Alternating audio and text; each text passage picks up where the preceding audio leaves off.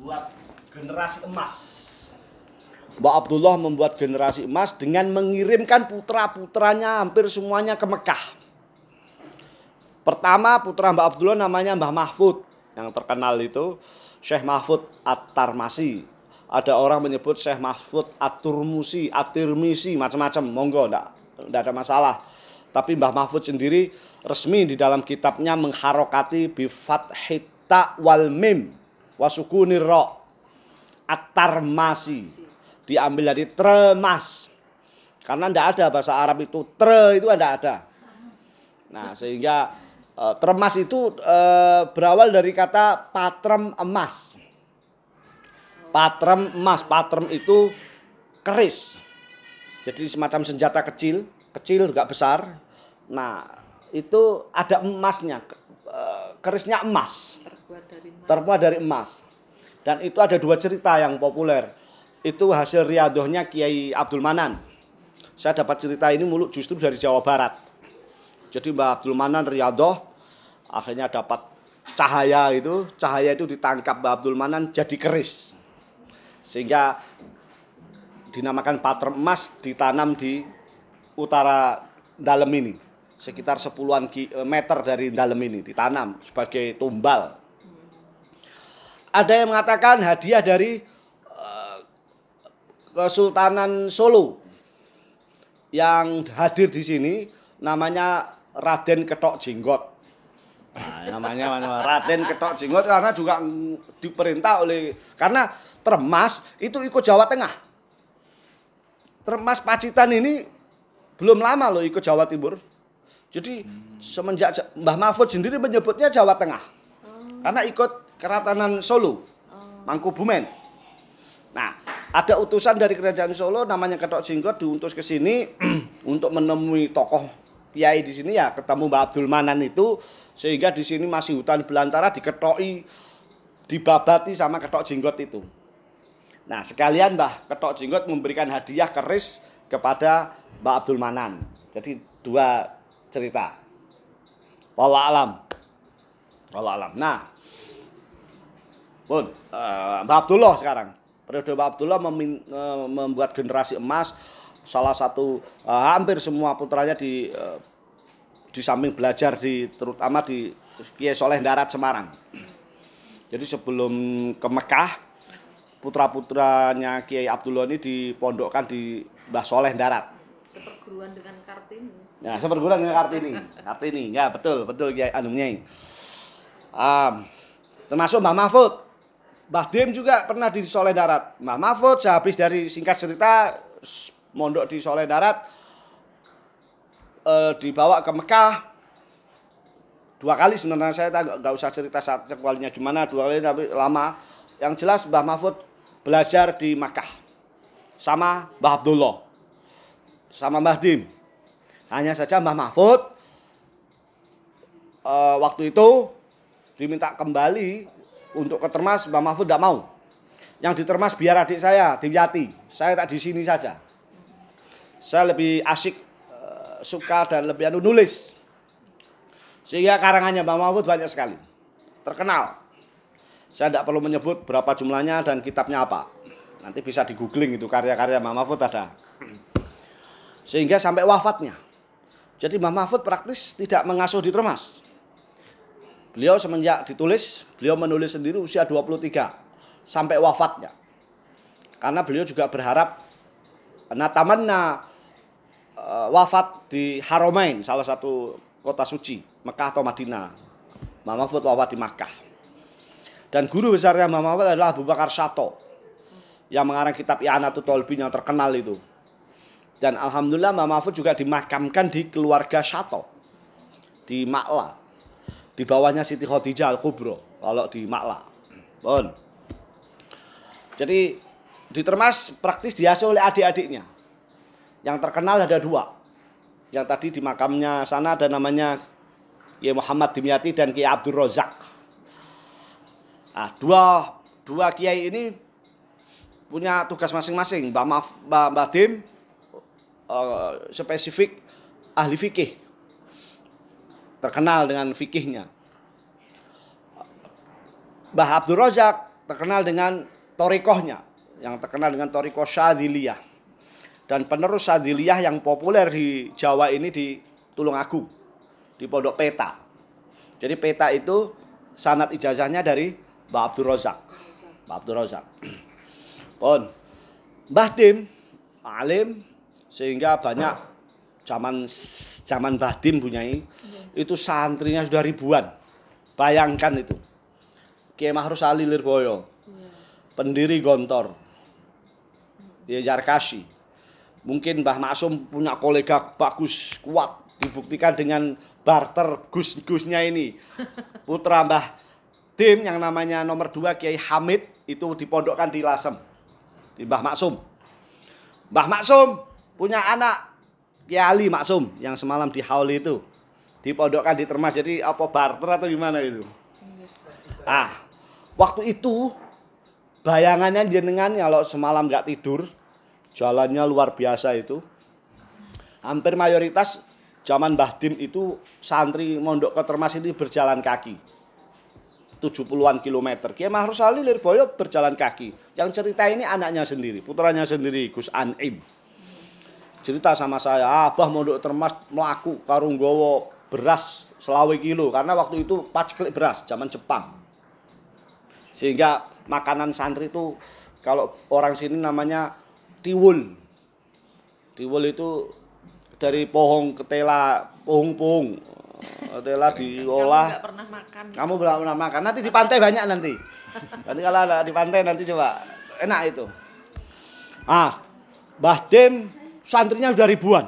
Termasuk Kiai Hamid Pasuruan Pondok Ploso Kiai Jazuli Lasem juga ada Kiai Ali Maksud. Kiai Syakir dan lain-lain. Ternyata setelah saya cocokkan punya saya cocokkan dengan sejarah-sejarah yang lain kenapa kok bisa nyampe termas padahal secara geografis zaman samono wala-wala lah. Belum aspal belum apa tapi dan bahkan tidak hanya Indonesia itu buku-bukunya Batim itu saya simpan di situ. Banyak hadiah dari Singapura dari dari Patani ada dari Patani. Patani itu mana Thailand. Thailand. ah Moro juga ada Moro. Malaysia Filipina. banyak. Filipina eh, Moro ya. Loh kok bisa sampai ke sini itu gimana? Urung enek Google Map. Urung enek macam-macam. Iya kan? Dengan pegunungan yang kayak begini ujung paling kidul. Pacitan ini kan kidul. Terkenal Roro Kidul itu kan? Bahkan Gus Dur pernah cerita sama saya pernah rawuh ke sini dua kali. Gus dalam Gus. Jin gue mana Oh, cerita beliau? Ya. beliau kan model kayak gitu-gitu aja dia iya. Iya pripun? Jin gue mana golek nggon sing sawepi dhewe sak donya. Lah terus terus? Yo nyang termas kene iki. Wah. jadi di sini banyak jin. Lah soko Pak yang ini khususnya. Wah ini luar biasa ini. Ini namanya ada Abdurrahman ini tapi kan nggak kelihatan ini. Kalau wah jangan nggak usah lihat, nggak usah lihat. ini muridnya Mbah Dim masalahnya, muridnya Mbah Dim yang sepuh-sepuh cerita. Muridnya Mbah Dim itu yang eh, lurai jin, nah, lurah lurai jin itu namanya Abdurrahman ya. Ini tempatnya di sini. Wallah alam bisawab. Lah, iya buktinya apa? Gusali Tulangan, Gusali Oke. Tulangan Sidoarjo. Gusali Tulangan Sidoarjo itu namu belum pernah ke sini, belum Iya. pernah ke sini. Saya transitkan di ruang situ punya Iya. tiba-tiba ini cerita ya. Iya. tiba-tiba Gus beliau tuh matanya ke sini terus matanya. Enten apa Gus Ali? Kedap kula angsal mlebet. Kan ngobrol di situ sambil ngopi gitu kan. Mlebet pun di mlebet apa iki lho? Lah monggo monggo. Langsung di Iya, alam ini rasa ditiru dulu lah ya. Jangan sekedar cerita Gus Ali. Masih hidup orangnya, sekarang masih hidup. Ali Tulangan. Tiba-tiba nyikep ini. Oh, salin. Wis wawa alam. Nyikep ini. Loh, Ya, seksinya Gusan. Sama Gusan, sama Gusan. Gusan, lo nggak disopek. Ah, karo Gusan. Waktu itu belum, belum. Karo Gusan. Han, Han. Iki anu anu. Terus ada kakak saya masa masa masa masa sama Gus Ali ini cerita. Oh, iki anu anu. Saya nggak usah cerita lah. Ya, biasa orang yang tahu ngono-ngono kan ada anunya sendiri-sendiri, nggih. Wallah alam bisawab pun. Oh, coba sikep. Enggak usah, enggak usah, enggak usah. Mas. Ya cerita saja. Jadi Mbah Dim kenapa zaman Mbah Dim itu santri sudah ribuan padahal geografisnya kita tahu sendiri. Ternyata selidik punya selidik ketika para kiai-kiai itu haji, kiai haji itu biasa sampai eh, mesti banyak mayoritas sowan Mbah Mahfud. Oke. Clear itu, sowan Mbah Mahfud. Ya. Mbah Ye Syekh Mas Duki lah, yang kelas sepuh-sepuh Kiai Baidowi, apalagi kalau wakila Syekh Kiai eh, eh, Kiai Baidowi ini pernah jadi katibnya Kiai Mahfud, ya kan, sekretaris, wallah alam, yang populer itu. Itu sambil nunggu haji kan lama, zaman dulu itu berapa bulan, enam bulan lah, naik perahu masian. Bapak saya aja naik perahu. Ya, Gus? Bapak, bapak yang pertama perahu, perahu Gunung Jati. Oh iya iya. Gunung Jati. Iya, iya. Nah, kula sampai teng mbuka. Kapal. Kapal perahu. Kapal. kapal atau perahu lah kalau saya ibu perahu. Kapal Gunung Jati namanya. Nah, ternyata kiai-kiai kalau haji ke sana itu mayoritas sambil menunggu haji itu ngaji sama Mama Mahfud. Ah, itu clear itu. Iya iya iya. Nah, ketika sudah mau kondur, pamit dipeseni sama Mbak Mahfud, sak sampunipun termasuk Mbah Hasyim Asari. Termasuk Ki Wahab. Lek sak sampunipun rampung kali kula mengki kondur, lek longgar, Mbah Mahfud halus pakai bahasa halus. Monggo diterusaken kali adik kula, sami niku. Karena semua karangan-karangan kita Mahfud sekalian Mbah Mahfud titip.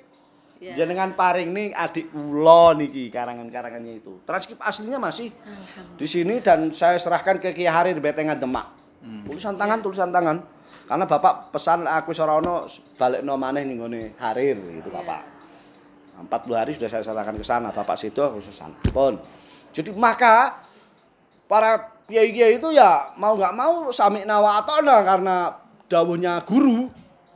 Nah, Mahfud dianggap guru itu sebab saya kan berpikir iso tekan kene wong patani wong dari mana ya nggak masuk akal dari sisi geografis ini nggak masuk akal. Ngono sih sambat teh bunyai loh semalam sih sambat teh bahkan tidak hanya bunyi uul yang lain-lain itu kalau mau ketermas itu sudah isu ininya sudah bayangannya sudah tidak ada yang penak itu. Saya tak ngomong di wali santri yang mondoknya anak ke sini itu perjalanannya sampai sini nangis kan saya tanya satu persatu kan harus mesti saya wali santri baru tuh. Bu semalam eh, perjalanannya pripun? Oh nangis. Nah bayangannya jenengan gimana? Anak aku tak kayak nondil ha semuanya begitu. Nah di sini ini maka kalau wali santri ke sini ini ini ini saya tiga bulan setelah ketemu sama saya sowan gitu nyerahkan anaknya ke saya saya bukan wasiat saya punya hak veto tiga bulan tidak boleh dijenguk tidak boleh telepon tidak boleh ada berita apa pun gitu itu tiga bulan wah santri ya kerasan ora kerasan wah ya alhamdulillah ketika kerasan. Orang gelem mulih. Terkenal dengan naun. Tiga tahun, tiga bulan, tiga hari nggak pulang. Tanya aja Jok. Sama santri-santri itu. Namanya di sini naun. Ayo, tiga tahun, tiga bulan, tiga hari nggak pulang. Kalian dilasem seminggu sekali pulang. Iya. Iya. Kiai Halim Maksum juga begitu dulu kalau wakila kiai-kiai sepuh-sepuh ya arep mulai piye nanggung wong tualang. Tapi saya diterok deh loh luar biasa. Luar biasa. Oke, Bon, Kiai Ali, eh, jadi itu jadi atas perintahnya Mbah Mahfud termasuk Kiai Hashim As'ari sendiri rawuh ke sini dua kali. Dalam sejarah Mbah Hashim As'ari rawuh ke Termas dua kali. Yang pertama manut perintah guru sambil sekalian belajar tiga hari. Kemudian yang kedua minta doa restu muktamar di Solo, ah, di Pekalongan, sekalian rembuk bisanan. Terus jadinya Bapak saya yang jadi menantu Mbah Hashim. Tapi Furqoh 6 tahun. Jadi bapak ini, bapak saya pernah jadi menantunya Mbak Hasim. Ya, ini, ini sejarah biar Dengan Nyai tercatat. siapa? Dengan Nyai Fatimah, kakaknya Khadijah. Oh, ya toh. Jadi saya manggil Jaki itu Dik. Ya ki dulurmu. Ah, Cep. Jadi jalur Bu Fatimah. Yang habis itu Bu Fatimah di Furqoh Bapak ya, ini cerita ya. Terus Bu Fatimah nikah dengan Malang. Fatimah punya adik Khadijah. Khadijah ini menurunkan Gus Zaki ini Ya. yang di grup itu. punya. Ya, Gus Zaki. Jadi saya manggil Gus Dur Mas, adiknya Wahid. Kan jalur Wahid Hashim, bla bla bla dan seterusnya. Pun. Ini sejarah. Jadi itu sudah bisa dong Bapak cerita, aku gak ngerti ngomong apa dijak Kiai Badrus. Kiai Badrus Purwasri. Purwasri. Ya Badrus kan lalu sini. Iya. Gus ditimbali bunyai. Ya Hashim sampun situ. Terus bapak nyerantal gitu aja. Aku lho rasa ngusalin. Teko kono sono Ki Adlan Ki Sansuri Badawi Kobil tu. Masyaallah. Niku nggih ngoten ceritane niku. Hmm. Edbak kayak gitu tuh bagus itu. Langsung kopi. Dadi sombel ngono ya ora sah sing lanang ora apa-apa, manut ngono. Punya ul, oh kowe karo iki manut ngono. Ya kiai. Bapak begitu aku lho weruh sing di Fatimah iku kobil tu. Ah, tapi ya Allah menakdirkan furqah. Jadi saya punya, termas punya sejarah lah, punya sejarah punya ini. Ya, nyambung, nyambung. Nyambung, nyambung, nyambung. Nyambung lasem itu tadi. Nah, yang nyambung lasem Kiai Fuad. Itu putra Kiai Habib. Nah, itu sama Bu Inayah, nanti punya Uul yang ah, siapakah Bu Inayah aja ya. Nggih, dijelaskan. Oh, singkat cerita, Kiai Hamid, eh, Kiai Dimyati selesai, kemudian diteruskan putranya yang kedua namanya Kiai Hamid, Pak Di saya, Pak Di. Singkat cerita Kiai Hamid ini dibunuh oleh PKI Iya. tahun 48 Afer Madiun, Muso. Bahkan Bapak Pak Habib semua keluarga Termas ini sudah dibondo kabeh di penjara Pacitan sana. Sisoi, Bapak yang cerita sisoi minyak tanah mulai dari ujung kepala sampai ujung kaki. Korek dong. Terus korek. Orang murup-murup. Wangin. Udah Bapak cerita wis korek krek, orang murup, krek orang murup. Eh, Murup itu termas genosida. Nggak ada saya, nggak ada generasi Pak Fu, Pak Fuad, Iya, nggak ada, habis genosid namanya. Ah, krek krek orang murup, ada datanglah tentara Siliwangi dari Jawa Barat. Duh, Melayu kabeh PKI selamat. Akhirnya ono aku. Itu Kiai. Masya Allah. Termas waktu itu buyar santri ribuan itu pulang semua. Kosong santri. Bangunan asrama itu kayak rumah hantu. Hampir tujuh tahunan. Sementara bapak sama Kiai Habib kakaknya di bawah asuhan Kiai Ali Maksum, Kerapiak. Kerapiak. Pak Lurah, Termas, Sowan Mbah Ali.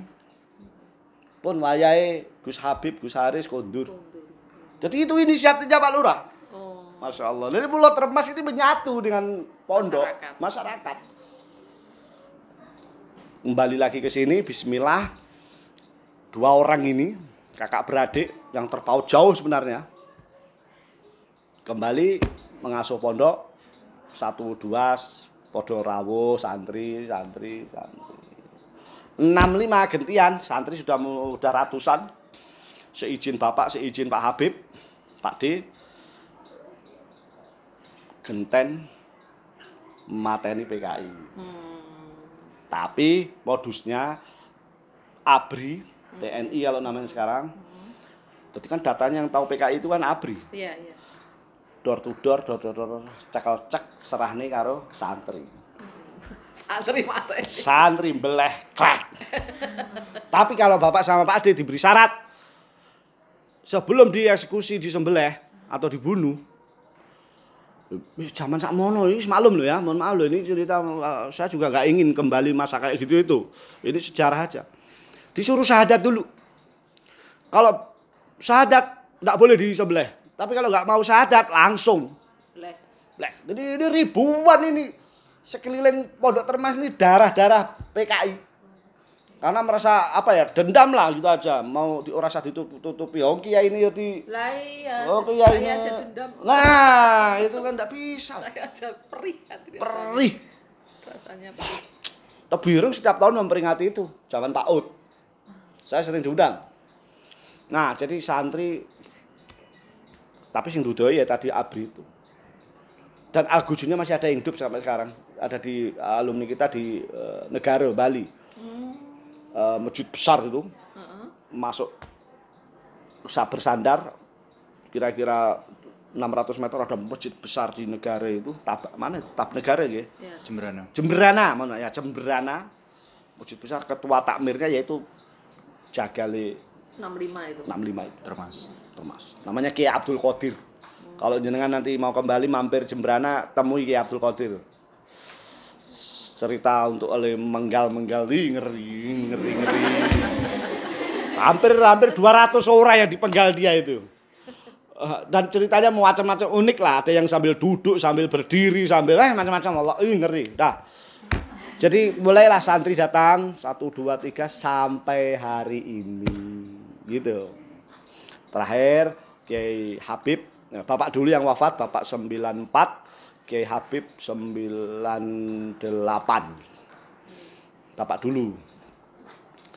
Akhirnya yang muda-muda ini saya bersama Pak Fuad dan saudara-saudara kakak-kakak dan lain-lain. Minta doa restu ya. Ya sampai sekarang ini. Ya begini ini termas. Mudah-mudahan bermanfaat apa yang saya sampaikan dan panjenengan saya harap sebelum saya akhiri jadilah santri yang keren. Karena santri itu keren. Santri itu bangga menjadi san jangan kecil hati jadi santri itu. Udahlah saya selalu ngomong urusan macam-macam tetek embengnya urusan dunia. Catat omong saya. Apalagi ini sudah ada undang-undang pesantren dan lain-lain. Kebetulan saya sama Gus Rozin dan lain itu selalu mengawal ini. Ada PMA Muadalah, ada PP lah sekarang undang-undang nomornya 18 tahun 2019 undang-undang pesantren pemerintah sendiri juga memberikan hari santri ya kan catat omong saya dunia seumben mesti saya katakan mesti goleki sampean Nah, itu Nggak perlu sampean mencari dunia, dunia akan mencarimu. Paham, paham, paham? paham. Paham ya? Paham. Catat omong saya, dunia akan mencarimu, mencari santri. Oke? Oke. Mudah-mudahan bermanfaat apa yang saya sampaikan. Dan matur nuwun ampun kapok, aja kapok punya ul, Oh, ngape, terus nyambung, termas lasem niku satu kesatuan yang nggak bisa dipisahkan. Nggak bisa dipisahkan. Sian, selamat jalan menikmati keindahan Pacitan, Pantai Kelayar, hati-hati. Hati-hati pokoknya dan ini hari banyak wisatawan yang datang juga sabar kalau mungkin nanti macet ya jalan kaki jalan kaki. Sedini hati toh hati-hati. Matur nuwun. Assalamualaikum. Al-fatihah.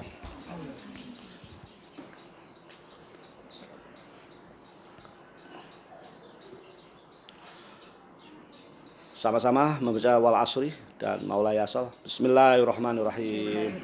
Wal asri innal insana illa alladhina amanu salihati wa tawasaw bil haqqi wa tawasaw bis sabr maulaya sholli wa sallim